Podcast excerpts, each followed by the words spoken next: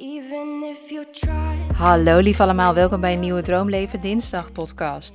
Vandaag gaan we het hebben over human design. Ik heb jullie gevraagd op Instagram van hey, wat zijn podcastonderwerpen die je zou willen terughoren? Nou, heel veel reacties waren meer spiriwiri en zo. Ik vond het ook wel leuk dat het woord spiriwiri werd gebruikt. Maar ik dacht, weet je wat, ik doe een beetje een zijweggetje en ik pak eigenlijk de bovenste, een van de eerste reacties en dat was human design. Toen dacht ik, ja, waarom niet? Kijk, ik ben niet een expert als in, nou, ik moet zeggen, toen ik deze podcast heb had uitgeschreven, dacht ik, nou, dit is aardig wat, maar uh, ik weet lang niet alles. Het is zo complex en diep en al die 64 gates. En nou ja, het is gewoon een heel groot, ingewikkeld ding. Astrologie trouwens ook. Maar ik denk wel dat ik een eigen sausje heb met het kunnen overbrengen van de basis. En meer mensen daar geïnteresseerd in te laten maken. Want het kan oprecht je leven positief veranderen als je erachter komt welk type je bent. Het kan je heel veel rust geven. Vooral als je geen generator bent. um, ik zal je zo meteen uitleggen waarom je, of ja, je komt er vanzelf wel achter waarom. Ja, ik dacht, um, als ik dan mensen geïnteresseerd kan maken erin en uh, dan kunnen mensen weer andere accounts volgen waar wel de experts zitten. Dus mensen die echt het hebben gestudeerd of een studie ervan hebben gemaakt en zo. Dan helpt dat daar ook weer bij. Dus ik dacht win-win, hoe dan ook. Het lijkt me handig dat je, voordat je de podcast verder luistert, even gaat uit laten rekenen zeg maar, wat jouw energietype is. Er zijn er vijf. Dat kan je doen door middel van je geboortedatum, je geboorteplaats en je geboortetijd. En ik zou ook een linkje bovenaan zetten in de show notes waar ik dat altijd laat doen. En daar is ook een app van en zo. Om in ieder geval te weten waar je je oren gespitst dient te houden als het gaat over jouw energietype. Het kan natuurlijk ook zo zijn dat je denkt, weet je wat, ik luister het gewoon helemaal. Misschien ga je wel raden welk type jij bent. En dan achteraf uh, ga je even uitzoeken en dan um, kan je hem eventueel opnieuw luisteren, maar dan specifiek met je oren gespitst op het gedeelte wat over jouw energietype gaat.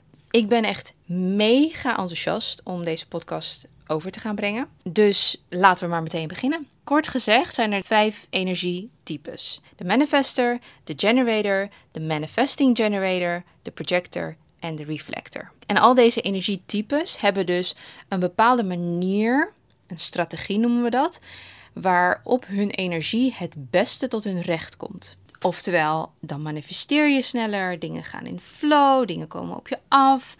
Het pad wordt eigenlijk vrijgemaakt als je jouw strategie volgt. Dus er zijn vijf types en er zijn dus ook vijf strategieën. Er wordt dus ook gezegd dat wanneer je niet volgens je strategie leeft, dat dingen dan dus echt een stuk moeizamer gaan en je constant tegen dingen opbotst en zo. Dus misschien probeer je wel je hele leven te gedragen als een manifester of een generator terwijl je een projector bent. Nou, dat kan dus heel veel rust geven als je er dan achter komt welk type je bent met de daarbij behorende strategie. Ik ga vandaag behandelen de vijf verschillende energietypes met hun bijbehorende strategie. En wat ik daar ook bij ga uh, bespreken is de self en non-self. En waar dat voor staat is elk type heeft een manier om te achterhalen, hey, ik zit op mijn juiste pad. En een manier om te achterhalen, hey, ik zit niet op mijn juiste pad.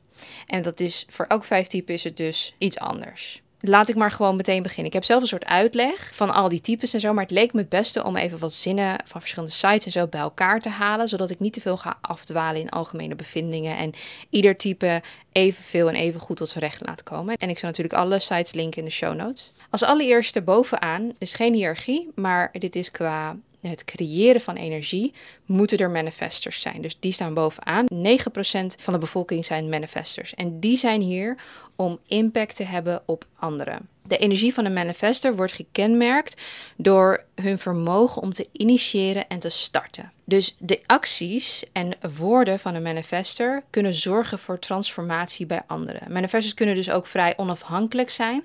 En daarnaast hebben ze een krachtig positief effect op de wereld en op de mensen waar ze om geven. Eigenlijk zijn we een beetje opgevoed met al die motivational speeches en zo om ons als manifestors te gedragen. Dus denk bijvoorbeeld aan die slogan van Nike van Just Do It.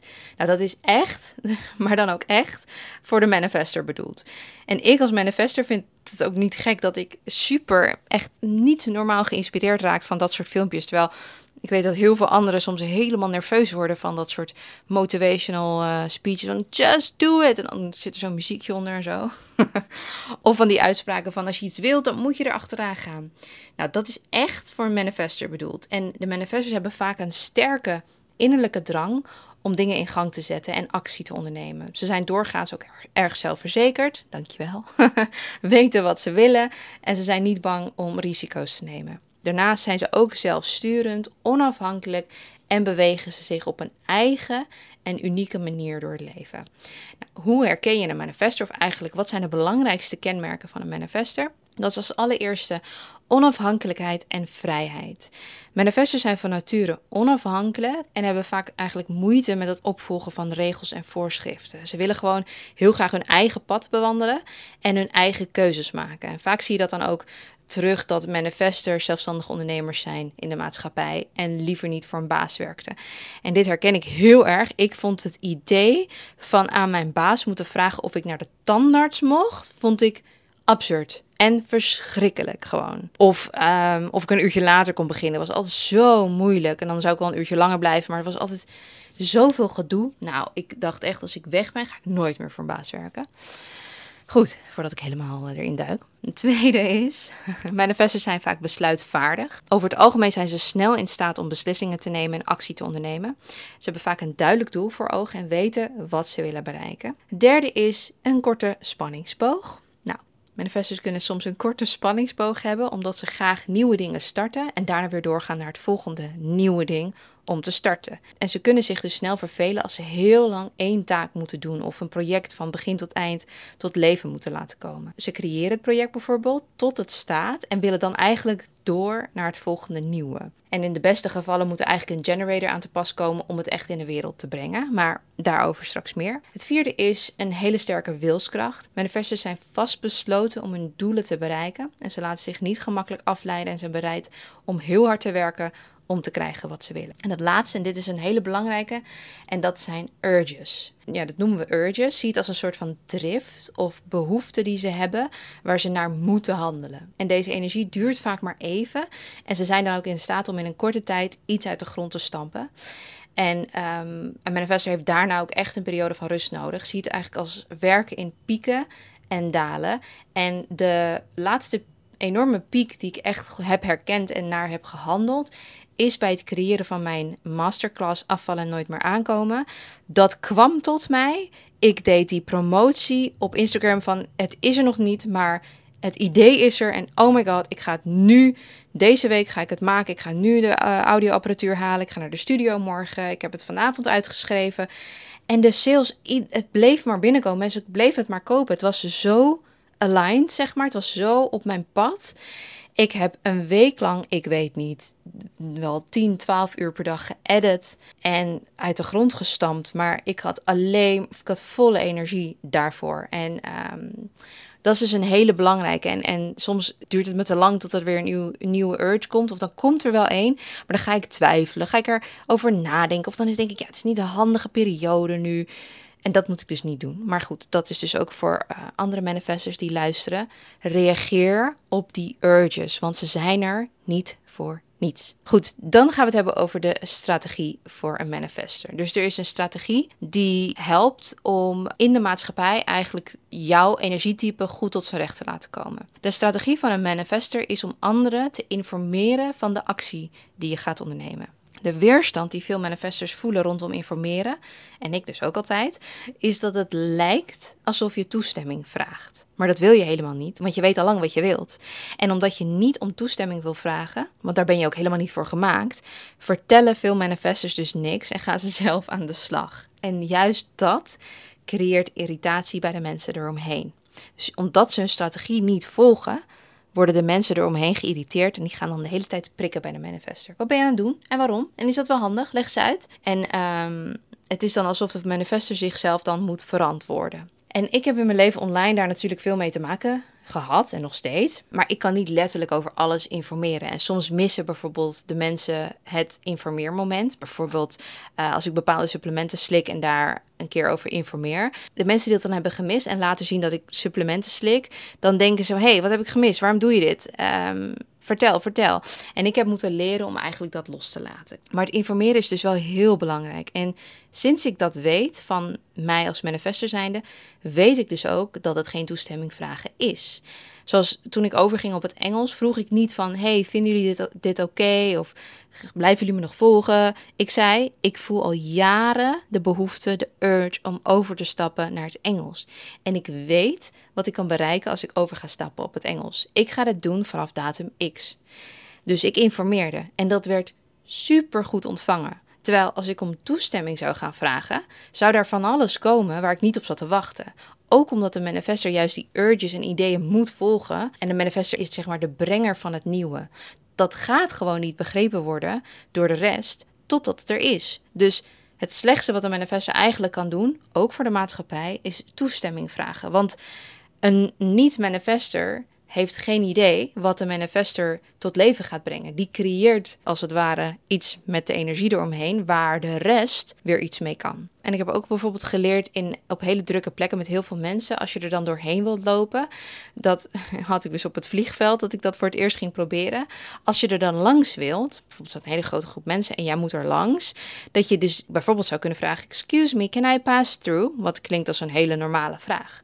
Maar als een manifester vraag je dan dus om toestemming. Dus eigenlijk voor mij als energietype van manifester is mijn strategie om te informeren. Dus wat zeg je dan? Dan zeg je coming through, coming through in plaats van excuse me, can I pass through? Wat ook heel beleefd lijkt, maar coming through kan ook heel beleefd zijn. En gek genoeg wordt dat dus ook heel goed ontvangen, omdat dat dus in lijn ligt met mijn energietype. Ik informeer dat ik er aankom in plaats van dat ik vraag: mag ik er langs? Een paar tips voor manifestors. Het eerste is beheer je energie. Manifestors moeten namelijk leren hun energie goed te beheren en niet te veel te verbruiken. En door hun energie te behouden en alleen actie te ondernemen wanneer het nodig is, kun je dus maximale impact creëren en succesvol zijn. Wanneer die urge er dus is, vol ervoor gaan. Maar één ding is wel belangrijk, is dat manifestors, maar ook projectors en reflectors, het beste naar bed kunnen gaan als ze niet uitgeput zijn. Dus als ze nog een beetje energie hebben. En dan in bed wat gaan kijken en zo. En dan pas gaan slapen. Dat, ja, dat, is het, dat is het allerbeste. Dus daarom is het eigenlijk voor manifestors, projectors en reflectors ook. Maar ik heb het nu over de manifestors. Belangrijk om goed hun energie te bewaken ook. En niet te veel te verbruiken. Het tweede qua tip is samenwerken met anderen. Manifestors kunnen namelijk samenwerken met andere energietypes om hun eigen doelen te bereiken. Bijvoorbeeld samenwerken met een generator om hen te helpen bij het voltooien van de taken. Of juist met de projector om advies te krijgen over de beste manier om hun plannen uit te voeren. Maar zometeen meer over generators en projectors, zodat je dat ook gaat begrijpen. En de laatste tip is tijd nemen om te reflecteren. Um, manifestors zijn best wel lone wolf, zeg maar. Dus happy loners. Daar heb ik een cursus over, happy loner. Dan hebben we het over de self en de non-self. Dus weten wanneer je op je pad bent en wanneer je niet op je pad bent en hoe je dat dus kan herkennen. Bij een manifester die weet dat hij op het goede pad zit als er vrede is in het hart. Dus peace is het teken van, yup, ik ben aligned, ik ben op het goede pad. En als een manifester op het verkeerde pad zit, dan is er anger. Dus er is woede en boosheid. Dat noemen ze dus de non-self. Ik heb de afgelopen tijd heel veel, heel veel boosheid gevoeld. En dan weet ik gewoon, er is iets wat niet klopt in mijn leven. Ergens zit ik niet helemaal op mijn pad. En dan is het aan mij om daar dus echt iets aan te doen. En zo heeft dus elk energietype een manier om te achterhalen dat je wel of niet op je pad zit. En dan aan de hand van hoe je je dus voelt, kun je dus um, actie ondernemen. Goed, dan gaan we over naar de generator. Generators zijn 70% van de bevolking. Maar die zijn onderverdeeld in manifesting generators en generators. Ik noem ze ook wel eens pure generators. Dus uh, eh, 35% ongeveer pure generator en 35% manifesting generator. Ik ga het zo meteen hebben over de manifesting generator, maar eerst even over de pure generator. Generators produceren levensenergie. Levensenergie voedt de planeet en zorgt voor de voortplanting en dat we als samenleving eigenlijk iets gedaan krijgen. Deze energie kan ingezet worden om te werken en te creëren. Dus voor de generator is werk vaak het belangrijkste aspect van hun bestaan. Ze leven voor het werk, maar dat kan dus ook zijn het huishouden runnen, het opvoeden van de kinderen, etc. Mits ze dus iets doen wat ze leuk vinden. Nou, hierover zo meer. Want een verschilletje tussen manifesting generator en een generator zit er onder andere in het feit dat een generator graag dingen afmaakt. Ze kunnen veel verschillende dingen leuk vinden, maar worden net wat meer gedreven door de behoefte om een soort van meesterschap, mastery in iets te bereiken. Dus die maken vaak dingen af. Generators zijn als het ware ja, echt die levenskracht voor de samenleving en vormen dus de meerderheid van de bevolking. Wat ik zei, ze hebben een enorme bron van levensenergie die dus hun in staat stelt om met passie en enthousiasme hun werk uit te voeren. Ze hebben letterlijk toegang tot een fysieke energie die vrijkomt vanuit hun lijf. De sacral noemen ze dat ook wel. Het is heel belangrijk dat een generator zich verbonden voelt met wat ze doen. Want dan en alleen dan komt er dus, zoals de naam generator zegt, meer en meer en meer energie vrij. Wat er letterlijk gebeurt is wanneer een generator zijn of haar passie vindt en zich hiermee verbindt, dan kan er dus meesterschap uit voortkomen, omdat er constant energie door zichzelf gecreëerd wordt. Dus stel je bent een generator, jij vindt iets waarvan je denkt: oh my god, dit is zo gaaf. Jouw lijf creëert gewoon meer energie om dat verder uh, uit te bouwen. En daardoor word je dus ook vaak een soort van magnetisch as fuck door je enthousiasme en je charisma. Ik zeg vaak dat generators een groot uh, risico lopen op een burn-out, omdat wanneer ze niet hetgene doen waar ze die connectie mee voelen, dan wordt er dus geen nieuwe energie gecreëerd. En dan zijn ze dus zichzelf aan het slopen en de energie dus uit hun tenen aan het trekken. En dat kan dan voelen als vastzitten of frustratie of iets. En um, het advies voor generators lijkt dus heel algemeen: van doe iets wat je leuk vindt. Maar dat is eigenlijk omdat bijna de hele wereldbevolking een generator is. Maar als we dieper gaan kijken, dan is het wat complexer dan het lijkt. We worden namelijk constant beïnvloed door externe factoren om dingen te doen, leuk te vinden, deel te nemen eraan, et cetera, waarvan we misschien denken dat het goed voor ons is. Maar dat moet je dus echt zelf aanvoelen voor jezelf. Leren, ervaren wat voor jou is bedoeld en wat niet. En dan komt de strategie van een generator naar voren en dat is reageren oftewel responding. En het interessante is, je kunt dus heel erg goed die mondgeluiden gebruiken bij een generator van mhm en mm. Dus de mhm is de ja, oh dit voelt goed, en de mm is de nee. Dus die geluiden die uit je lijf komen, die zijn verbonden bij de generators strategie. Maar dan moet je dus wel blootgesteld worden aan dingen om op te kunnen reageren. Dus stel ik zeg pizza of sushi, of ik zeg pizza en jij voelt mhm, ik zeg sushi en jij voelt mm, dan kun je dus eigenlijk afgaan op hey, wanneer voel ik die mhm, of dat kwispelen van enthousiasme van binnen, dan is dat hetgene wat voor jou is bedoeld. En dat responding, dus reageren, er moet dus iets tentoongesteld worden aan jou voordat je erop kunt reageren. Want je kan dus niet het zelf creëren zoals een manifester doet en er dan op reageren. Er zijn wel trucjes en manieren. Ik zie dat heel veel voorbij komen om types te helpen hun strategie soort van met een Ehm, met een cheatcode toch te laten werken. Daar kom ik zo meteen ook wel weer op terug, vooral bij de projectors. En ik, ik, ik geloof ook wel dat dat werkt. Maar ehm, initieel gezien is het dus de bedoeling dat je reageert op de dingen. Een generator die echt goed op zijn plek zit, die springt bij wijze van s ochtends uit bed, kan de hele dag werken, thuiskomen, zorg voor het eten, daar nog met een vriend of vriendin bellen of zelfs afspreken, een wasje draaien, misschien nog, weet ik veel, nog even snel boodschappen halen, de keuken schoonmaken en dan naar bed gaan, kapot naar bed gaan. En dan de volgende dag weer vol energie uit bed springen. Nou, ik moet er niet aan denken als ik het zo opnoem. Maar een generator en een manifesting generator moeten ze e- hun energie dus echt opmaken voordat ze gaan slapen. Anders dan zijn ze veel te onrustig. Dus zij zijn echt gemaakt om die, die generator die ze dus hebben, die sacral, ik zeg dat nu wel, maar dat mag je ook wel weer vergeten hoor, om dat, bronnetje van energie leeg te maken voordat ze gaan slapen. Ze zijn letterlijk bedoeld, en als ik zeg werkpaarden, dan klinkt dat heel oneerbiedig, maar dat is, dat is niet hoe ik het bedoel.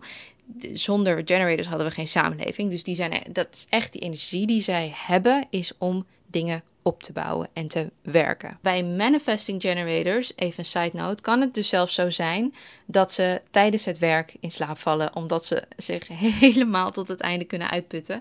Wat op zich wel goed is, maar zolang het wel met hetgeen is waar ze dus blij van worden. En op zich is het ook wel weer belangrijk dat je herkent van oké, ik ben nu echt op, ik ga naar bed. Maar manifesting generators hebben er nog wel een handje van dat ze gewoon op hun werk in slaap kunnen vallen. En bij de types manifestors, projectors en reflectors, wat ik zei, is het juist belangrijk dat de energie bewaakt wordt en dat ze naar bed gaan terwijl ze nog niet moe zijn, om eigenlijk rustig te wennen aan het bed en dan te gaan slapen. vaak misschien nog even iets te kijken, een begeleide meditatie, een YouTube-filmpje of iets anders om rustig in slaap te komen. En nou ga ik nog iets zeggen wat heel erg geprogrammeerd is vanuit de maatschappij. Nou zal ik je eigenlijk heel snel even tussendoor vertellen. Eigenlijk is human design deprogramming. Dus alles wat je hebt geprogrammeerd, alles wat is gewoon het afleren van alles wat moest van de maatschappij. En omdat de maatschappij door grotendeels generators is opgebouwd, dus manifesting generators en gewone generators, vallen die drie andere types vaak een beetje buiten het bootje. En kijken we dus ook een beetje raar op als mensen niet dezelfde dingen doen, leuk vinden, et cetera, zoals generators dat hebben. En wat ik dus nu wilde zeggen is dat manifestors, projectors en reflectors het beste slapen als ze alleen in bed slapen. Dus ook dat gaat dus tegen de maatschappelijke norm in. Als je in een relatie zit bijvoorbeeld met een generator of manifesting generator. En je bent een manifestor, een projector of een reflector. En jij hoort eigenlijk, of je functioneert het eigenlijk het beste als je alleen slaapt. Dan, uh, ja, dat is natuurlijk dan een beetje een gekke situatie. een generator en een manifesting generator heeft geen moeite met naast iemand slapen, energetisch gezien. Nu zie ik het niet per se als een heel groot probleem. Um, ik ben een manifester, Boy, mijn vriend, is een projector. Dus wij zouden allebei baat hebben bij alleen slapen. En uh, ik merk ook wel dat als ik bijvoorbeeld een weekendje weg ben of wat dan ook, ik vind het sowieso heerlijk om alleen te zijn. Maar ik, het is niet zeg maar super draining voor mij om naast hem te slapen. Nou moet ik wel zeggen, we hebben allebei een eigen dekbed. En dat is omdat hij hem zo plat op zichzelf wil en ik wil hem juist tegen me aan. Dus daar merk ik al wel een beetje iets in. Maar ook denk ik dat bijvoorbeeld af en toe alleen slapen ook al heel erg helpt en dat ik het bewust inzet. Dus we kunnen een beetje experimenteren op basis van human design. En als jullie willen, hou ik jullie ook op de hoogte van hoe dat verder gaat. Maar goed, we waren bij de generator. De kenmerken van een generator zijn als allereerste: het verbaast je niet enorm veel energie. Dat betekent dat als ze op de juiste manier dus hun energie inzetten, ze over ontzettend veel levensenergie beschikken die hen in staat stelt om taken uit te voeren met passie en enthousiasme. Vergelijk het eigenlijk met een soort van Duracell batterijtje. Tweede is, ze zijn volhardend. Een generator geeft niet snel op, is echt een volhouder. Ze zijn vastberaden om hun doelen te bereiken, hoe moeilijk de weg ook is. En het proces van groei is voor de generator vaak belangrijker dan het resultaat. Het derde punt is verbinding maken. Ze hebben een natuurlijk vermogen om eigenlijk makkelijk contact te maken met andere mensen. En dat komt omdat ze heel open staan met hun aura. Ze hebben een soort van, zijn open en hebben een beschikbaar aura. En generators zijn dus ook mensen die graag naar festivals gaan, naar afterparties, met z'n allen in de bus, et cetera. En niet dat de andere types dat dan niet hebben, maar als je een generator in je hebt, dus generator of manifesting generator, dan ga je vaak dus goed op lekker met anderen zijn en de energie die er is vermenigvuldigen. Want daar ga je goed op als generator. Ik moet er niet aan denken. goed, dus daarom vind ik er ook heel veel rust in human design. Want uh, ik dacht altijd, ik ben gewoon een loner, weet je wel. Of ik ben een introvert, wat ook allemaal zo is. Maar het heeft veel meer met mijn human design te maken, ben ik achtergekomen. Het vierde waar je een generator aan kunt herkennen is dat um, generators gericht zijn op hun werk en de neiging hebben zich te concentreren op één taak tegelijk. Ze zijn heel goed in het uitvoeren van routinematige taken en hebben een natuurlijke neiging tot efficiëntie. Niet zoals projectors, maar ze zijn er best wel goed in. Het enige wat een generator hoeft te doen is duidelijk te maken waar hij of zij naar verlangt. En dan het vertrouwen erop hebben dat dingen op hun pad komen waarop ze dan dat onderbuikgevoel voor kunnen gebruiken. Of eigenlijk die geluiden van mhm of mm Dit kan dus eigenlijk van alles zijn. Iets wat je op tv ziet, een advertentie, iets op social media of een vriend, vriendin die zegt iets. Letterlijk alles. Het enige dat je hoeft te doen is verwachten dat het komt je overgeven aan dat het dus gaat komen. Je overgeven aan plezier en het moment dat je ergens bewust van wordt, je onderbuik laten reageren en dat dan te volgen. Een van de angsten van een generator is dan ook vaak dat ze bang zijn dat er niets gebeurt als ze zelf niet iets initiëren. Maar niets is dus minder waar. Wanneer elke type zich eigenlijk bezighoudt met zijn eigen energie dan krijg je dus ook die prachtige harmonie. Maar die harmonie komt ook als jij als generator jouw energie eert en dus niet, gaat, niet dingen gaat initiëren. Want dat is de rol van de manifester. En jij als generator dient te reageren op al het moois dat al bestaat en beschikbaar is in de wereld. En um, als je denkt aan generators, bijvoorbeeld Oprah Winfrey is een generator, Beyoncé is een generator. Um, ik, ik hoop namelijk dat je niet je te neergeslagen voelt met, oh, ik ben er alleen maar om andermans dromen de wereld in te brengen. Dat is helemaal niet waar. Dat is wel wat veel mensen opvatten uit al deze energietypes, behalve de manifesting generators, lucky bastards. Maar um, alle energietypes hebben de mogelijkheid tot succes en hetzelfde soort succes ook. Dus iedereen kan een ondernemer zijn, iedereen kan een beroemde zanger of zangeres zijn, iedereen kan een, uh, de grootste televisieshow hebben, iedereen kan president zijn. Bijvoorbeeld Obama was een projector, uh, is een projector, niet was. Daar komen we zo meteen nog even natuurlijk op terug, wat een projector is.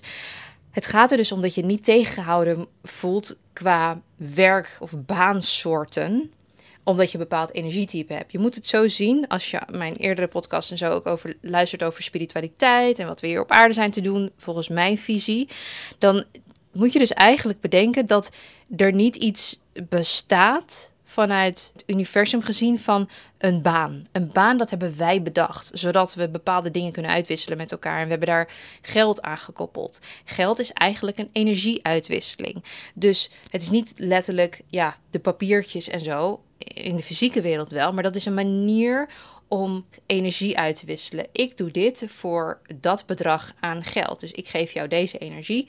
En hoe we dat hebben bepaald is eigenlijk ja, met elkaar en vraag, aanbod, et cetera. Maar dus ook qua banen. Dus er is niet een generator waarvan je zegt van nee, maar die kunnen geen ondernemers zijn. Of manifestors, die kunnen geen um, zangers zijn of wat dan ook. Weet dus ook dat je met elk type, elk soort succes dat je wilt, kunt bereiken. Het belangrijkste is alleen dat je dus niet volgens de programmering de hele tijd, hè, van hoe we door de maatschappij zijn geprogrammeerd, probeer te werken als dat niet passend voelt voor jou. En vaak is het zo dat als mensen human design ontdekken, en dat kost dan even wat tijd om er wat meer wat dieper in te gaan en zo, dat ze er dus achter komen dat ze eigenlijk altijd al zo hadden willen functioneren, alleen dat dat niet lukte.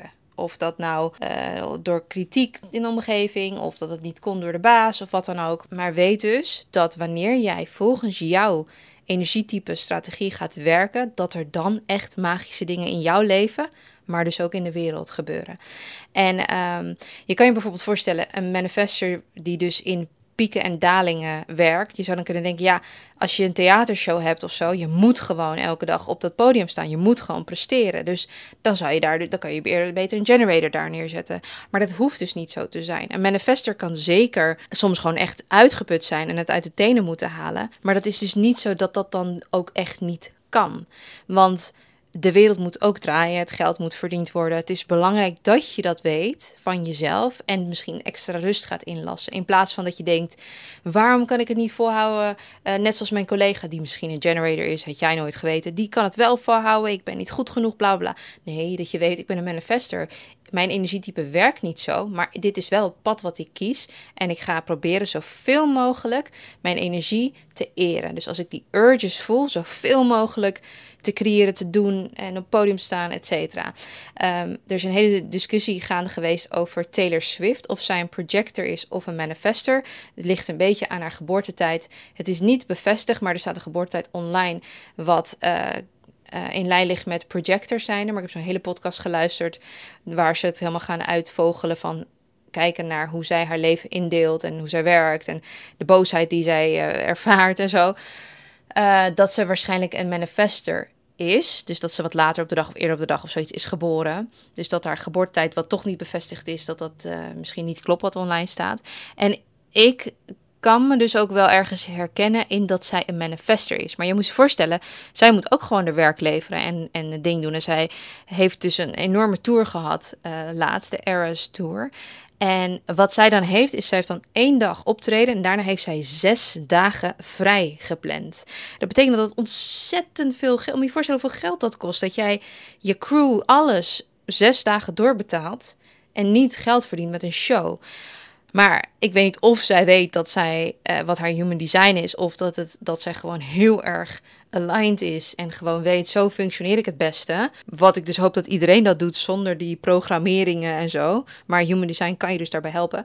Maar dat is dus wel typisch iets waar je waarvan je zou denken van, hé, hey, dat is echt heel fijn als je manifester bent en die beslissing voor jezelf hebt gemaakt.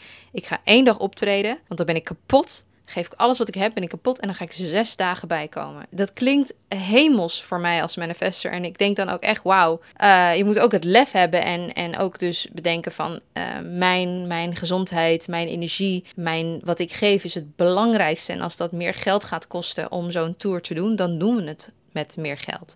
Dus... Um, ja, dat vond ik dus een interessante om er doorheen te gooien. Maar dat was natuurlijk ook om een hart onder de riem te steken voor generators die zich vaak toch wat algemeen uitgedrukt voelen in human design. Want de wereld is nou eenmaal 70% generator. Want manifesting generator en generator. Dus er zit 70% generator in de maatschappij. En dat maakt dus ook dat de dingen die we normaal vinden en ja, waar we eigenlijk niet eens over nadenken, dat dat, dat het onderdeel is van generator zijn. En dat daarom generators zich een beetje zo me voelen bij het lezen van hun chart. Zo van, oké, nou ja, ik ben een generator. Nou, lekker boeiend. Volg, volg je gevoel van waar je blij van wordt. Nou, hoe, hoe. Dat is goede informatie. Maar voor generators zou ik dus eigenlijk ook adviseren om een stap verder te kijken. Te kijken naar je profiel. Te kijken naar um, je incarnation cross. Dus wat je hier op aarde bent om te doen echt, echt wel wat dieper te gaan, uh, omdat het anders misschien te algemeen voor je is. Dan gaan we door naar de Manifesting Generator. Dat is eigenlijk een subtype van de generator, of ook wel een hybride mix genoemd tussen de manifester en een generator. Nou, zij maken dus ook ongeveer 35% uit van de bevolking, zoals dus de generators. Maar daar waar het voor een manifester correct is om te initiëren, moet een manifesting generator eigenlijk wachten op de juiste respons, wat dus maakt dat hij onder de generators valt. En dat kan dus best een uitdaging zijn voor een manifesting generator, want de manifesting generator wil snel, meteen en liever nog gisteren. Een manifesting generator kan ook initiëren, maar alleen als er een respons is op iets. Dus uh, bijvoorbeeld er bestaan online cursussen en jij bedenkt een online cursus over wielrennen bijvoorbeeld. Je werkt dat van de grond op en je bent misschien de eerste die een online cursus heeft over wielrennen, die dat dus zo heeft bedacht en gemaakt. Dus het is niet zo limiterend als je dacht van, oh, alleen maar manifestors kunnen initiëren. Zoals ik ook zei, iedereen kan hetzelfde soort succes hebben, maar een ander pad naar datzelfde soort succes. En daarnaast zijn manifesting generators vaak ook multi-passionate. Ze hebben heel veel dingen die ze leuk vinden, maar waar ze dus ook goed in zijn. Ze kunnen ongelooflijk veel gedaan krijgen in korte tijd en ook veel meer dan eigenlijk alle andere types. Bijvoorbeeld, zij hebben al drie boeken uit, terwijl de rest net op bladzijde 10 is van het eerste boek, als het ware. En Manifesting Generator is niet gemaakt om zich op één ding te focussen en daar dan een expert in te worden. En dat is meer weggelegd voor de generator, om echt een soort van mastery te creëren. Um, manifesting Generator kan dus wel heel inspirerend zijn voor de andere types. Als die zoveel dingen doet en dat grenzeloze laat zien en gewoon ervoor gaat. En uh, wil niet zeggen dat we allemaal op diezelfde manier moeten functioneren. Maar het kan wel iets sparken, iets prikkelen bij ons. Waarvan we denken, van, ons zeg ik ook, omdat ik dat dus niet ben, bij de rest. Om iets nieuws te proberen bijvoorbeeld. Of gewoon dat je er geïnspireerd van raakt. Nou, dus het is goed om dat te realiseren. Dat dus een Manifesting Generator niet is gemaakt om zich op één ding te focussen. Want vaak worden de generators en manifesting generators op één hoop gegooid. En daar zit dus wel een verschil tussen. De manifesting generator is een krachtige combinatie van de generator en de manifester binnen Human Design. En de type combineert dus de kwaliteiten van zowel de generator als de manifester, maar eigenlijk net op een eigen manier, waardoor het dus een apart type is. En dus ook een zeer krachtig individu dat een breed scala aan talenten en vaardigheden heeft. Laat ik het zo zeggen, alle types zijn enorm krachtig. Maar hoe onze maatschappij is opgebouwd, wordt de output van manifesting generators het meeste gewaardeerd en geapplaudiseerd. Omdat we dus hebben geleerd uh, of ja, eigenlijk zien we het zo dat als je veel gedaan krijgt, veel energie hebt om dingen aan te pakken en zoveel dingen kan en tegelijk en bla, dat dat iets goeds is. Dus omdat we dat hebben geleerd, is het dus super chill om een manifesting generator te zijn en dat dus van nature te hebben. Heel veel andere mensen, andere types, gaan misschien wel proberen manifesting generator te zijn, terwijl ze dat niet zijn. En dat is eigenlijk um, super jammer, want je put jezelf uit en jij komt dus niet in die flow omdat je niet volgens jouw energietype functioneert. Tenminste, dat niet weet en dus ook niet daar je aan kan overgeven. Al doe je het voor een maandje om te kijken wat er gebeurt. Als je het niet weet, kan je het ook niet doen. Maar vergis je dus niet, zonder de andere vier types is niets mogelijk. Alle types zijn even waardevol en mega krachtig. Alleen voor de erkenning vanuit de maatschappij en het soort van wat gezien wordt als een goede kwaliteit, dan zit je dus goed als je een manifesting generator bent. Al geloof ik ook dat je daar weer veel programmeringen op hebt die je moet afleren. Zoals mensen die constant zeggen dat je op één ding moet focussen, niet te veel tegelijk moet aanpakken. Kies nou voor één ding, bla bla bla. Voor een manifesting generator zou ik zeggen: heb daar lekker scheid aan. Pak al die honderd dingen aan die je fantastisch leuk vindt, goed kan en de energie ervoor hebt.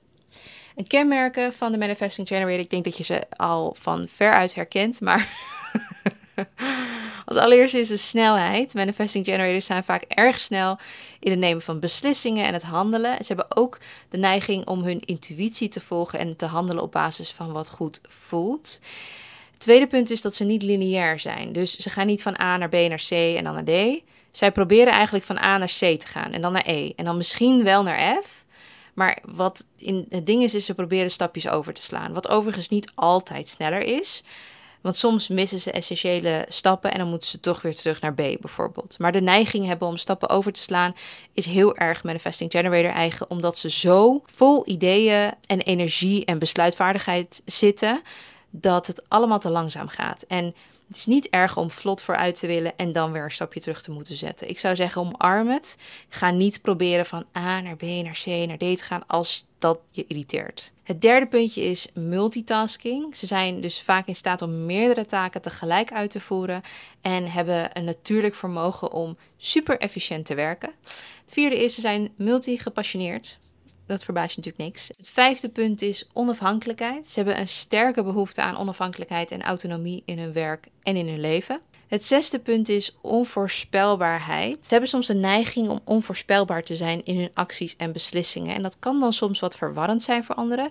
Maar dat komt voornamelijk voort uit hun eigen vermogen om zo snel te handelen en hun intuïtie te volgen. En eigenlijk zo over te springen van het een naar het ander, zeg maar. Het is dus voor een manifesting generator heel belangrijk om te reageren op iets wat van buitenaf komt, waar ze direct van voelen dat ze er enthousiast van worden. Want dan weet ze eigenlijk of ze genoeg energie kunnen genereren om dat dus tot leven te laten komen. En zodra dat netjes wordt opgevolgd, worden ze een magneet voor anderen. En weet ook dat als je een manifesting generator bent, dat je niet alles alleen hoeft te doen. Het is oké om hulp te vragen. Vooral van iemand die je waardeert voor zijn of haar wijsheid. En dan hoop ik dat het een projector is, want die zitten daar 100% op te wachten, kan ik je vertellen. Dus zometeen meer over die projector. Maar um, nog een ander belangrijk aspect voor een manifesting generator is om te weten wanneer ze uh, moeten stoppen en pauzeren om hun energie te herladen. Wat ik zei, het is dus niet gek voor een manifesting generator om op het werk in slaap te vallen, omdat ze zo lang door zijn gegaan, omdat ze zoveel energie hebben. Dus belangrijk om te leren hoe ze hun energie effectief kunnen beheren en een rustmomenten kunnen nemen. Um, ik heb niet de self en non-self gedaan bij Generator, merk ik nu. Maar dat is precies hetzelfde als bij Manifesting Generator.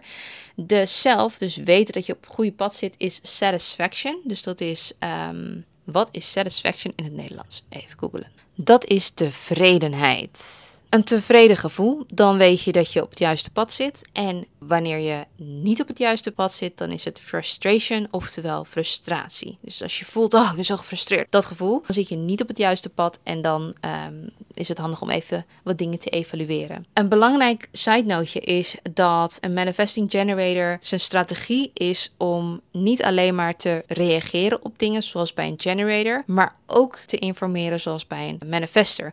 Dus wanneer je iets gaat doen, dat je het doet uit een reactie op iets, maar dat je de boel om je heen informeert dat je het gaat doen. Dus die twee dienen gecombineerd te worden in de strategie van een manifesting generator.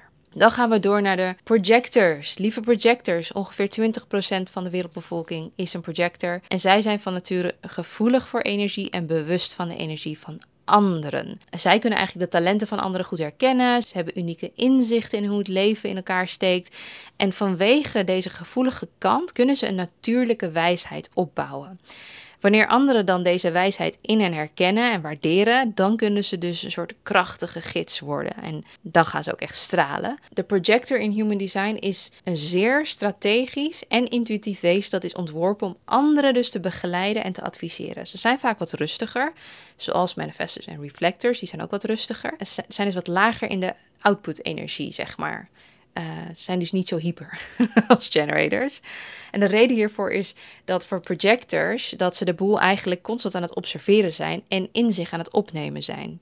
Ze hebben talent om dingen, maar ook mensen diep te doorgronden. Dus ze kunnen echt diep kijken en mensen zien en daarmee dus ook zien waar verbetering of efficiëntie nodig is. Ze zijn dus in staat om de kwaliteiten en de talenten van anderen te zien en, en ze te benutten om de collectieve energie te verbeteren. Ze willen dat dan ook heel graag met de wereld delen. Maar dat is vaak waar het misgaat bij projectors die niet de juiste strategie gebruiken, namelijk wachten op de uitnodiging. Wat best een beetje verwarrend en irritant kan zijn als je niet goed weet hoe dat er dan uitziet. Kijk, een hele duidelijke uitnodiging kan zijn: hey, wat denk jij hierover? Of hoe denk jij dat dit beter kan? Nou, dat zijn echt gouden vragen voor een projector die zich dan helemaal gezien en geliefd zou voelen. Maar je kan je dus ook voorstellen dat dat niet per se gevraagd hoeft te worden. Dan kun je dus als projector zelf een uitnodiging proberen te creëren. Door bijvoorbeeld te zeggen: wil je dat ik alleen even luister of wil je misschien mijn advies? Of hey, ik heb er hele goede tips voor. Zou je die willen weten? Of zou je mijn advies willen horen? Ja, gewoon dat soort vragen. Maar het kan eigenlijk ook nog veel verder gaan dan dat. Je kan ook een adviesbureau of een coachingpraktijk beginnen en jezelf dan aanbieden als coach of adviseur.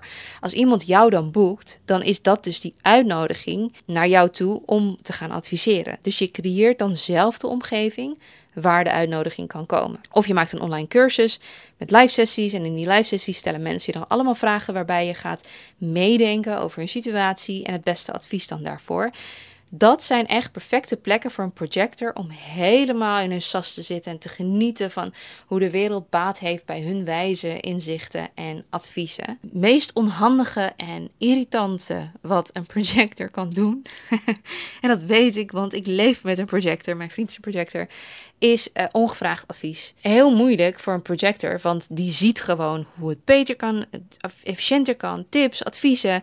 Maar ongevraagd die dingen naar een ander gooien, creëert vaak de verkeerde reactie. Mensen zitten er niet op te wachten, die wijzen je af, die houden afstand. Ehm, dat is niet je strategie. Je strategie is om te wachten op de uitnodiging of een situatie te creëren waardoor mensen jou makkelijker kunnen uitnodigen. Zoals ik net beschreef, coachingpraktijk, uh, adviesbureau, cursus met live sessies waar mensen jou als expert vragen stellen. Projectors willen heel graag ook gezien worden zoals zij anderen zien. Zij willen erkenning krijgen en ehm, ja, horen dat ze zulke wijze mensen zijn. Maar projectors die denken erkenning te krijgen door gewoon maar rond te gaan en alles te benoemen wat dus verbeterd kan worden, zullen dus niet goed ontvangen worden door andere energietypes. Die zullen namelijk voelen dat er ongevraagd advies komt, zoals ik net beschreef. Of juist dat er alleen maar kritiek is, dus alles wat fout is. Terwijl de projector het meest zeg maar, doet met de juiste intentie, is dus die strategie zo belangrijk. Wachten op de uitnodiging. Kijk, projectors zijn hier om kritisch te kijken naar wat we in het verleden allemaal hebben gecreëerd, met als doel om het te verbeteren en te veranderen, om het efficiënter te maken en ons eigenlijk weer verder te helpen in de evolutie. Kijk, het grootste gedeelte van de wereldbevolking, bijna 80%, is een energy being. Oftewel, die creëren zelf energie.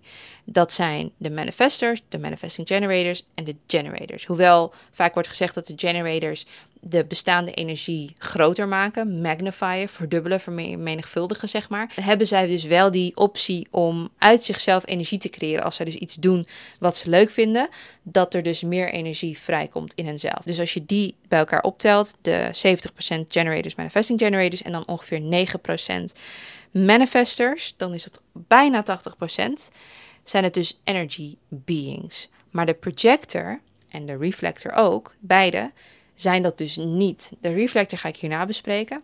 Maar dat betekent dus dat ze zelf geen energie kunnen genereren. Een korte samenvatting. Manifester krijgt enorme pieken aan energie van tijd tot tijd, gevolgd door enorme dalingen. Een generator, een manifesting generator, creëert zijn eigen energie door te doen waar ze blij van worden. En dan de projectors en de reflectors kunnen eigenlijk alleen maar meeliften op deze energie, die dus door manifestors, generators, manifesting generators wordt gecreëerd. En dat meeliften voor projectors en reflectors is een heerlijk gevoel als ze dit goed weten in te zetten.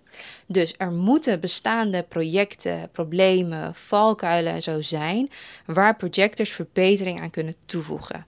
Maar dat moet dus wel strategisch in de vorm van wachten op de uitnodiging of vragen: wil je advies? Of kan ik helpen meedenken?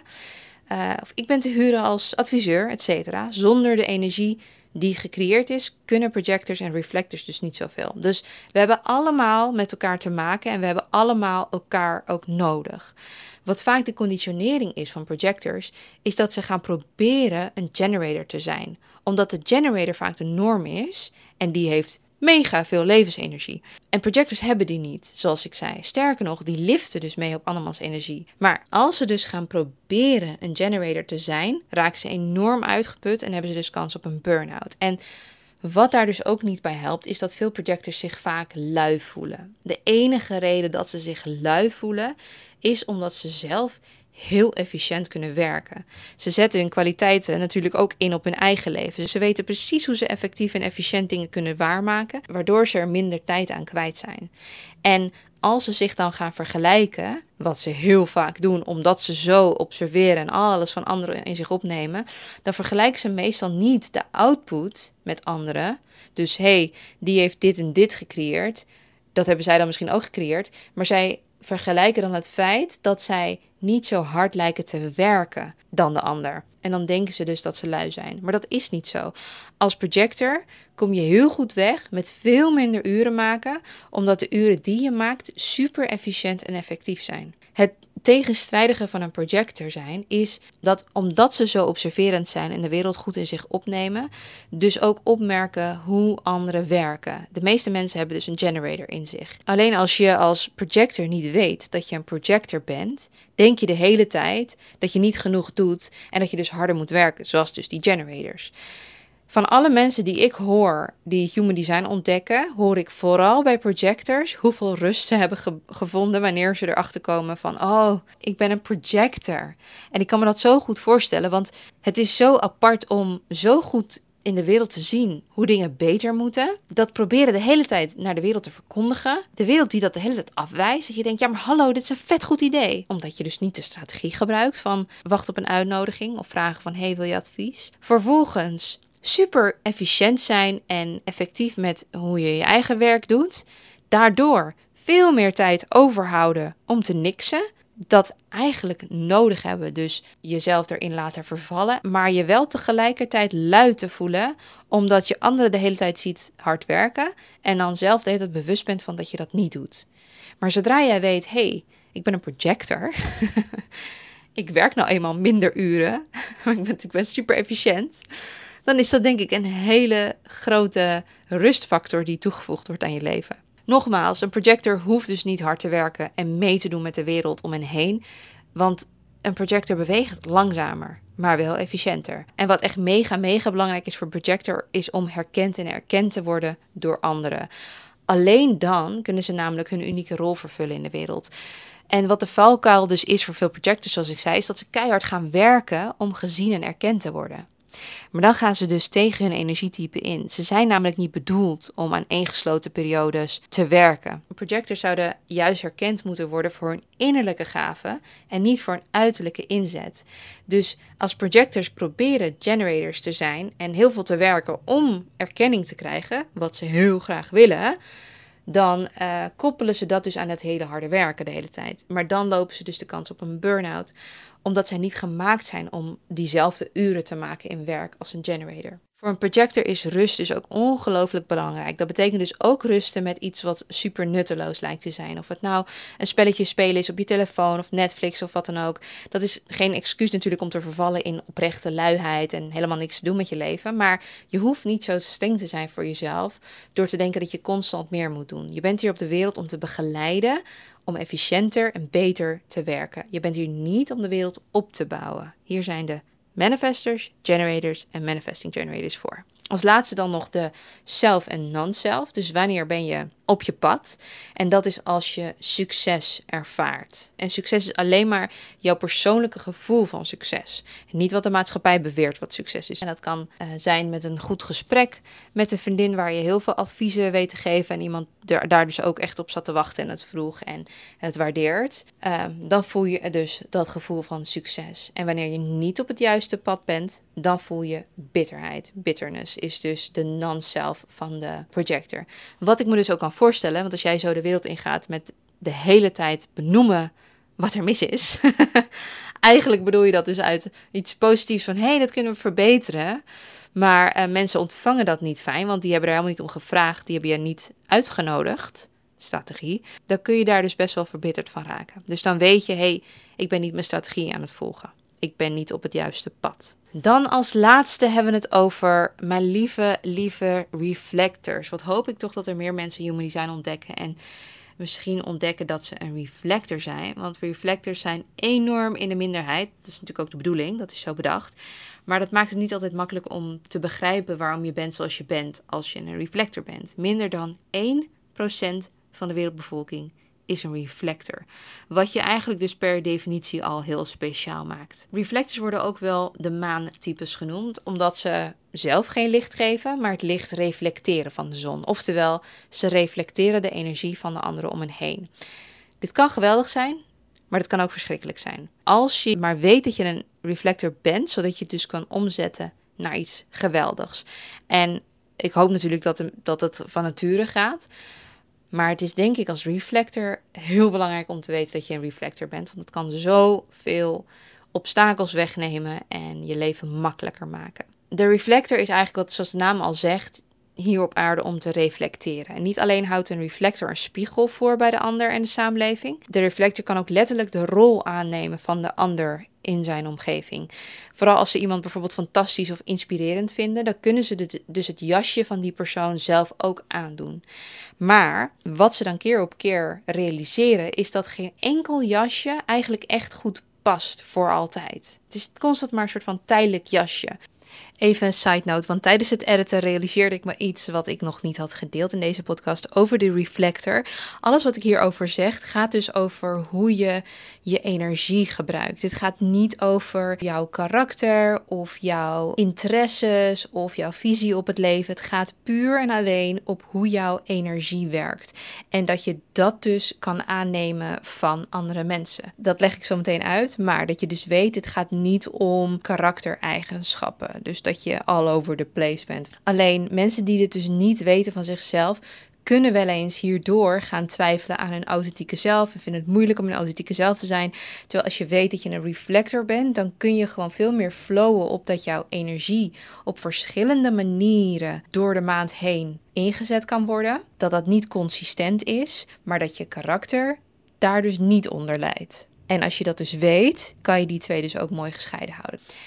Ehm, het is dus heel belangrijk voor een reflector om een plek te hebben waar ze zich kunnen terugtrekken en tot zichzelf komen. Zometeen wordt nog duidelijker waarom, maar in eerste instantie is dat dus om los te laten wat niet van hen is en echt een soort cleanse te doen. En dat ga je beter begrijpen bij de volgende punten. Want een reflector kun je zien als een soort barometer. Die heb je nodig in de samenleving om te evalueren of we wel de juiste kant op bewegen als collectief. Dus terwijl de manifestors nieuwe dingen de wereld inbrengen en generators en manifesting generators dingen opbouwen, projectors dingen begeleiden, moet er ook iemand zijn die aanvoelt of we wel de goede kant op gaan, intuïtief. Niet qua efficiëntie, zoals projectors doen, maar qua samenleving in de richting van liefde, goedheid, mensvriendelijk, uh, ontwikkeling, etc. Als reflector ben je een wandelende spiegel en is het niet altijd makkelijk om te achterhalen of jij iets voelt of dat je het hebt opgepikt van de omgeving. Zo kan je als reflector bijvoorbeeld in een dorp wat bijvoorbeeld net heel veel inbraken heeft gehad in de afgelopen tijd, enorm de angst van anderen ervaren in je lijf, omdat je het letterlijk allemaal oppikt al jouw kanalen staan open. Dat is niet je aura, maar al jouw blokken van human design. Ik wilde het niet te, te, ingewikkeld maken. Ik wilde het eigenlijk als een soort van inleiding doen. Dus al jouw kanalen staan open, dus je ontvangt constant van de buitenwereld. En ehm, het kan dus zijn dat je dus enorm die angst van die omgeving van het dorp voelt, omdat er al die inbraken zijn geweest. En dat hoeft dus niet eens vanuit jezelf te komen. Het kan ook zijn dat je er zelf een beetje angstig van wordt, maar ehm, je pikt het hoe dan ook op van de omgeving. Terwijl als je bijvoorbeeld dan op vakantie gaat, naar een ander land vliegt en zo, daar dus geen last meer van hebt, omdat je letterlijk in een andere omgeving bent en daar weer van alles opvangt en doorvoelt. Als reflector heb je dus ook weer de andere types nodig om je werk te kunnen doen, want zonder een samenleving kan jij niet de spiegel voorhouden. En reflectors kunnen zich heel goed voegen naar de omgeving en letterlijk weergeven wat zich daar afspeelt. Door dus dat jasje dus zelf aan te doen. En hun ervaring en het belichamen van bijvoorbeeld de groepsdynamiek kunnen ze heel goed. Of het ervaren van het thema van de omgeving. En daardoor geeft het andere mensen het gevoel van: hey, dit is wat er afspeelt in het geheel. Als we dus weten wie de reflector is en we daarnaar kunnen kijken als barometer. Daarom is het zo belangrijk in human design dat we de, de types, of eigenlijk daarom is het zo belangrijk in de wereld dat we, dat we human design ontdekken. En ieder zijn energie type en strategie uh, weten volgen. Reflectors hebben dus de potentie om hartstikke objectief te zijn en om buiten het geheel te blijven, wat voor de anderen onmogelijk is. Alleen reflectors kunnen dat. Want op deze manier kunnen reflectors de anderen van buiten zien. Dus eigenlijk een soort van de groep net daarbuiten zien wat er gebeurt. En vervolgens laten zien wat er afspeelt binnen de groep. Doordat ze dat zelf aannemen. En zo krijgen mensen dus via reflectors ook een idee van de groep of de situatie en kunnen ze beter begrip krijgen van zeg maar elk individu in de groep en hoe de persoon participeert en bijdraagt. Reflectors kunnen daarom dus ook de ontwikkeling van de groep goed volgen. Ze kunnen mensen feedback geven, ze kunnen zien welke impact ze hebben op verschillende tijden en daar dus heel goed een adviserende rol in spelen. Dus op een heel ander level dan dat van een projector. Voor een reflector gaat het echt op basis van intuïtie, gaan we de goede kant op. Die voelt letterlijk aan hoe het gaat met de ander, de omgeving, de wereld, waar je die reflector ook zo neerzet. Dus echt die barometer. En voor de reflector is het vaak lastig om zich over te geven aan hun kracht. Wat dus het aanvoelen is van de situatie, de omgeving en de mensen. Een van de redenen daarvoor is omdat dat constant veranderlijk is. En wanneer zij zich door het leven bewegen, creëert er dus ook constante verandering in hun ervaring van het leven. Dat kan irritant zijn, dat kan vervelend zijn. Een reflector kan denken: ik wil stabiliteit, ik wil gewoon dat iets hetzelfde blijft. En omdat dat niet vanuit hen zelf komt, maar constant oppikken van wat er in de omgeving gebeurt, kan het zijn dat een reflector soms wil vasthouden aan iets wat stabiel is, omdat ze hiermee de illusie hebben dat ze zelf ook stabiel zijn, bijvoorbeeld. En dat wil niet zeggen dat ze labiel zijn als mens, maar wel dat ze constant vatbaar zijn voor alle energieën. Daarom zei ik dus al dat het heel belangrijk is dat een reflector zich kan terugtrekken en tijd alleen kan doorbrengen, zodat ze hun eigen gedachten, emoties en verlangens kunnen onderzoeken. Want zodra ze zich terug kunnen trekken in een veilige omgeving, waar ze alleen hun eigen energie hebben, dan kunnen ze dus eigenlijk uh, alles wat ze hebben opgepikt van de omgeving loslaten en het soort van uit hun lijf laten gaan, zodat ze weer ja, zichzelf kunnen zijn. Dus daarom is het zo belangrijk om je terug te kunnen trekken als reflector, zodat je dus niet de hele tijd beïnvloed wordt door andermans energie en dat je dus dan niet meer weet, hey, is dit omdat ik dit zo voel of is het omdat ik het oppik? Is dit omdat ik dit denk of heb ik dit opgepikt? Is dit omdat ik dit wil zeggen of heb ik dit opgepikt? Ze pikken letterlijk alles op van anderen en de omgeving. En omdat het dus zo fijn kan zijn om jezelf af en toe terug te trekken, is er vaak een angst bij reflectors om zichzelf zo erg te isoleren dat ze dan nooit meer naar buiten gaan of dat ze daardoor geen vrienden meer over hebben. Maar dat hoeft helemaal niet zo te zijn als je bewust bent van het feit dat je een reflector bent en dat de magie in het leven voor jou zit in het verrassingseffect. En dit ervaar je eigenlijk alleen maar door jezelf bloot te stellen aan de wereld en van tijd tot tijd weer terug te trekken. Dus echt dat je dat mooi gepland hebt voor jezelf. Van oh, ik moet nu weer even tot mezelf komen. Even die alles van de wereld om me heen legen. En voor een reflector is het verrassingseffect in het leven fantastisch maar dat kan je dus alleen ervaren als je meegaat met de flow in plaats van wil vasthouden de hele tijd. Reflectors hoeven niet hun best te doen om consistent te zijn, omdat de wereld dat iets goeds vindt of zo. Ze mogen lekker flowen met wat komt en gaat en daar het verrassingseffect in ervaren. Een soort gevoel van: wauw, wat is de wereld toch gaaf? Wat valt er toch veel te ontdekken, gevoelsmatig. Hè? De dingen die zij allemaal kunnen ervaren en voelen en denken en geïnspireerd raken. En dus omdat alles open staat bij een reflector. En het kan zo zijn dat je dit hoort en dat je denkt, nou, het lijkt me heel moeilijk om een reflector te zijn. Maar moet je even horen dat in je human design heb je dus wat ik zei, die, die ehm, vakjes, of hoe zeg je? Ik zei net kanalen, maar dat is misschien niet het juiste woord. In ieder geval, bij een reflector is alles wit. En alles wat wit is, betekent dat je het opvangt vanuit de omgeving. In plaats van dat je het uitstraalt naar de omgeving. Omdat bij een reflector dus alles wit is, klopt het dus met dat de reflector constant alles de hele tijd voelt, denkt, ervaart, zegt wat de omgeving doet en zegt, vindt, ervaart, voelt en zo. Dat wil niet zeggen dat ze niet een authentiek persoon kunnen zijn. Absoluut wel. Maar ze kunnen het allemaal aanvoelen. Dus ze kunnen al die jasjes, die verschillende jasjes kunnen ze proberen. Als je geen reflector bent, dan zou je dat dus nooit allemaal kunnen ervaren. Dat is zoiets bijzonders voor een reflector dat je dat dus kan, waardoor je dus niet alleen heel empathisch kan worden, maar dat kan je ook qua business, mocht je dus daarover nadenken, super goed inzetten. Want jij kan de ander, de cliënt of wie het ook is die je tegenover je hebt, ontzettend goed begrijpen. Jij reflecteert dat. En dat is waarom mensen zich fijn zouden kunnen voelen bij een reflector, omdat die eigenlijk reflecteert wat zij geven.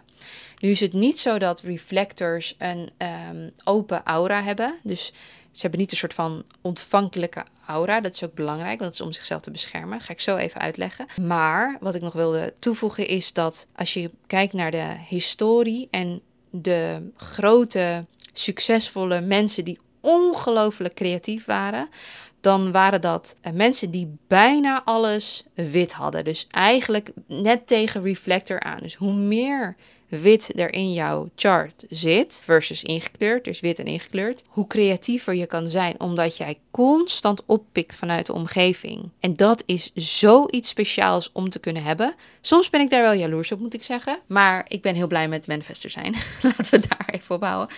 Maar ja, bijvoorbeeld Michael Jackson, die had maar één ingekleurd deel en de rest was helemaal wit. Dus die was bijna een reflector. Volgens mij had ik laatst, wie, was er nog meer die super creatief was?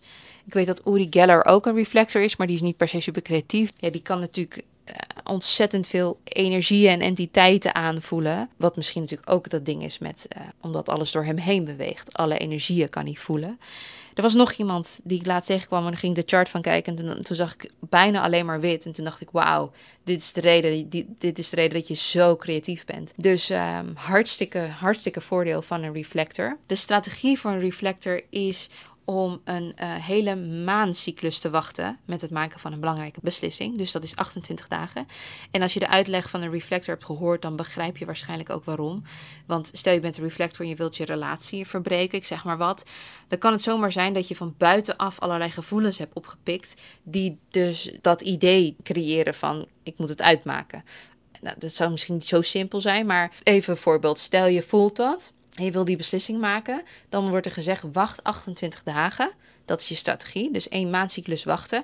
Zodat je door al die fases heen kan gaan, omdat de, um, de maan die gaat langs al die 64 gates. Oh, dit wordt weer. Ik wil niet te diep erin gaan. En op elk moment raakt hij een ander deel van jouw reflector zijnde. Dus kun je andere dingen oppikken en voelen. Als jij 28 dagen wacht, dan heb jij genoeg ruimte en tijd gehad om te cleansen en heb je de ruimte om er eventueel anders over te voelen. Mocht dat gebeuren in die 28 dagen, dan is de kans groot dat jij initieel dat had opgepikt van elders. Dus na 28 dagen wil je het nog steeds uitmaken, dan um, is het jouw authentieke zelf die dat wil. om het zo maar te zeggen. Dus dat is de strategie van een reflector. Nu heel even over die aura waar ik het net over had. Dat reflectors niet een open aura hebben. Ze hebben een gesloten aura. Dat is eigenlijk hetzelfde als met de manifestor. Die heeft ook geen open aura. De manifestor heeft een afstotende aura. Zo van blijf uit mijn buurt en bemoei je niet met mijn leven. En de reflector die heeft een gesloten, beschermende aura, omdat die anders zijn werk niet kan doen. Dus die pikt de energie op van de omgeving, maar die moet zichzelf kunnen beschermen door er niet aan onderdoor te gaan. Dus die moet de afstand kunnen bewaren om dus te kunnen observeren op een objectieve manier en dat dus te kunnen spiegelen naar de samenleving. Als de reflector een open aura zou hebben, dan wordt hij gewoon meegenomen in de groep. En dat is niet de bedoeling. De bedoeling is dat de reflector aan de zijlijn staat. En dat is niet letterlijk zo met eh, vriendschappen en weet ik het allemaal. Maar in de samenleving met je rol als energietype van hey, gaan we de goede kant op? Ben jij dus niet de werker, de initieerder, de uh, projector die dus dingen verbetert, et cetera. Jij staat aan de zijlijn om te kijken of dingen goed gaan. Jij kan je wel op sommige dagen voordoen als projector, op sommige dagen als manifesting generator, als generator, als manifester, maar dat zijn maar korte periodes dat je dat jasje aantrekt. En dat is dan ook echt dat energietype wat je dan bent. Dus je kan je dan ook echt gedragen als dat type. Dat is super chill natuurlijk, maar dat is van korte tijd. Dus je bent gewoon een, uh, een chameleon, zeg maar. Een hybride van alle vijf types, maar dan heb je niet zelf in de hand wanneer welk type je bent. En je voelt dus constant de omgeving aan. Wat um, vervelend is als de omgeving angstig is, zoals bijvoorbeeld in de tijd 2020 met wat er allemaal gebeurde, dat je dat heel erg kan aanvoelen en heel erg de angst van iedereen uh, oppikt. Maar het kan je ook mega creatief maken, omdat alles omdat je ook alles oppikt en het door je heen beweegt. Dus reflectors bieden dus eigenlijk weerstand aan andermans energie, proberen dan die energie uit, een soort van sampling, en reflecteren het dan vervolgens terug op de omgeving. Zij zijn wel veel minder kwetsbaar dan projectors. Nou, dan nog als laatste de self en non-self. Dus wanneer een reflector weet van hé, hey, ik zit op mijn juiste pad, ik ben mijn strategie goed aan het uitvoeren, de universum reageert hier positief op, dan hebben ze het element van surprise. Dus ze voelen verrassing van wauw, wat is het leven fantastisch. Oh my god, ik voel deze en deze dingen en ik heb deze en deze ideeën. Oh my god, wauw, het strand is zo mooi. En, nou, dat is echt toppunt voor, van een reflector zijn, dus die verrassingsgevoelens. En de non-self, dus wanneer je dus totaal niet uh, op je juiste pad zit, omdat je je strategie niet volgt, et cetera, is disappointment, dus teleurstelling. Dat je echt denkt van, oh, wat jammer dat dit zo voelt, dat dit zo gaat. En je bent teleurgesteld en je voelt echt de teleurstelling. ik kan het niet anders beschrijven. Hoe ik het anders kan benoemen is denk ik dat wanneer een reflector omgeven is door de verkeerde mensen of de verkeerde passies achterna gaat, dan voelt de wereld en het leven voor hen aan als een enorme teleurstelling. En dat kan dus ook voortkomen als ze niet genoeg tijd alleen besteden om al die opgepikte dingen van zich af te laten glijden. Hè? Al, die andere mensen en zo. Dus, poeh, dit is denk ik mijn langste podcast ooit, jongens. Mijn mond doet pijn van het bewegen, maar ik heb alle vijfde types besproken. Ik had nog een stukje staan over mezelf als manifester. Maar op zich denk ik, joh, ik heb denk ik wel alles tussen neus en lippen door wel verteld. Ik ben heel benieuwd wat jullie ervan vonden. Ik ben ook heel benieuwd wat jullie zijn. Je kan op Spotify een comment achterlaten. Dus laat me weten of jij van tevoren wist welk type jij was, ja of nee. En of je na het weten van je type je herkent in je type zoals ik het heb uitgelegd. Ik ben daar heel erg benieuwd naar. Dan wil ik jullie bij deze enorm bedanken voor het luisteren en tot volgende week bij een nieuwe Droomleven dinsdagaflevering. Doeg!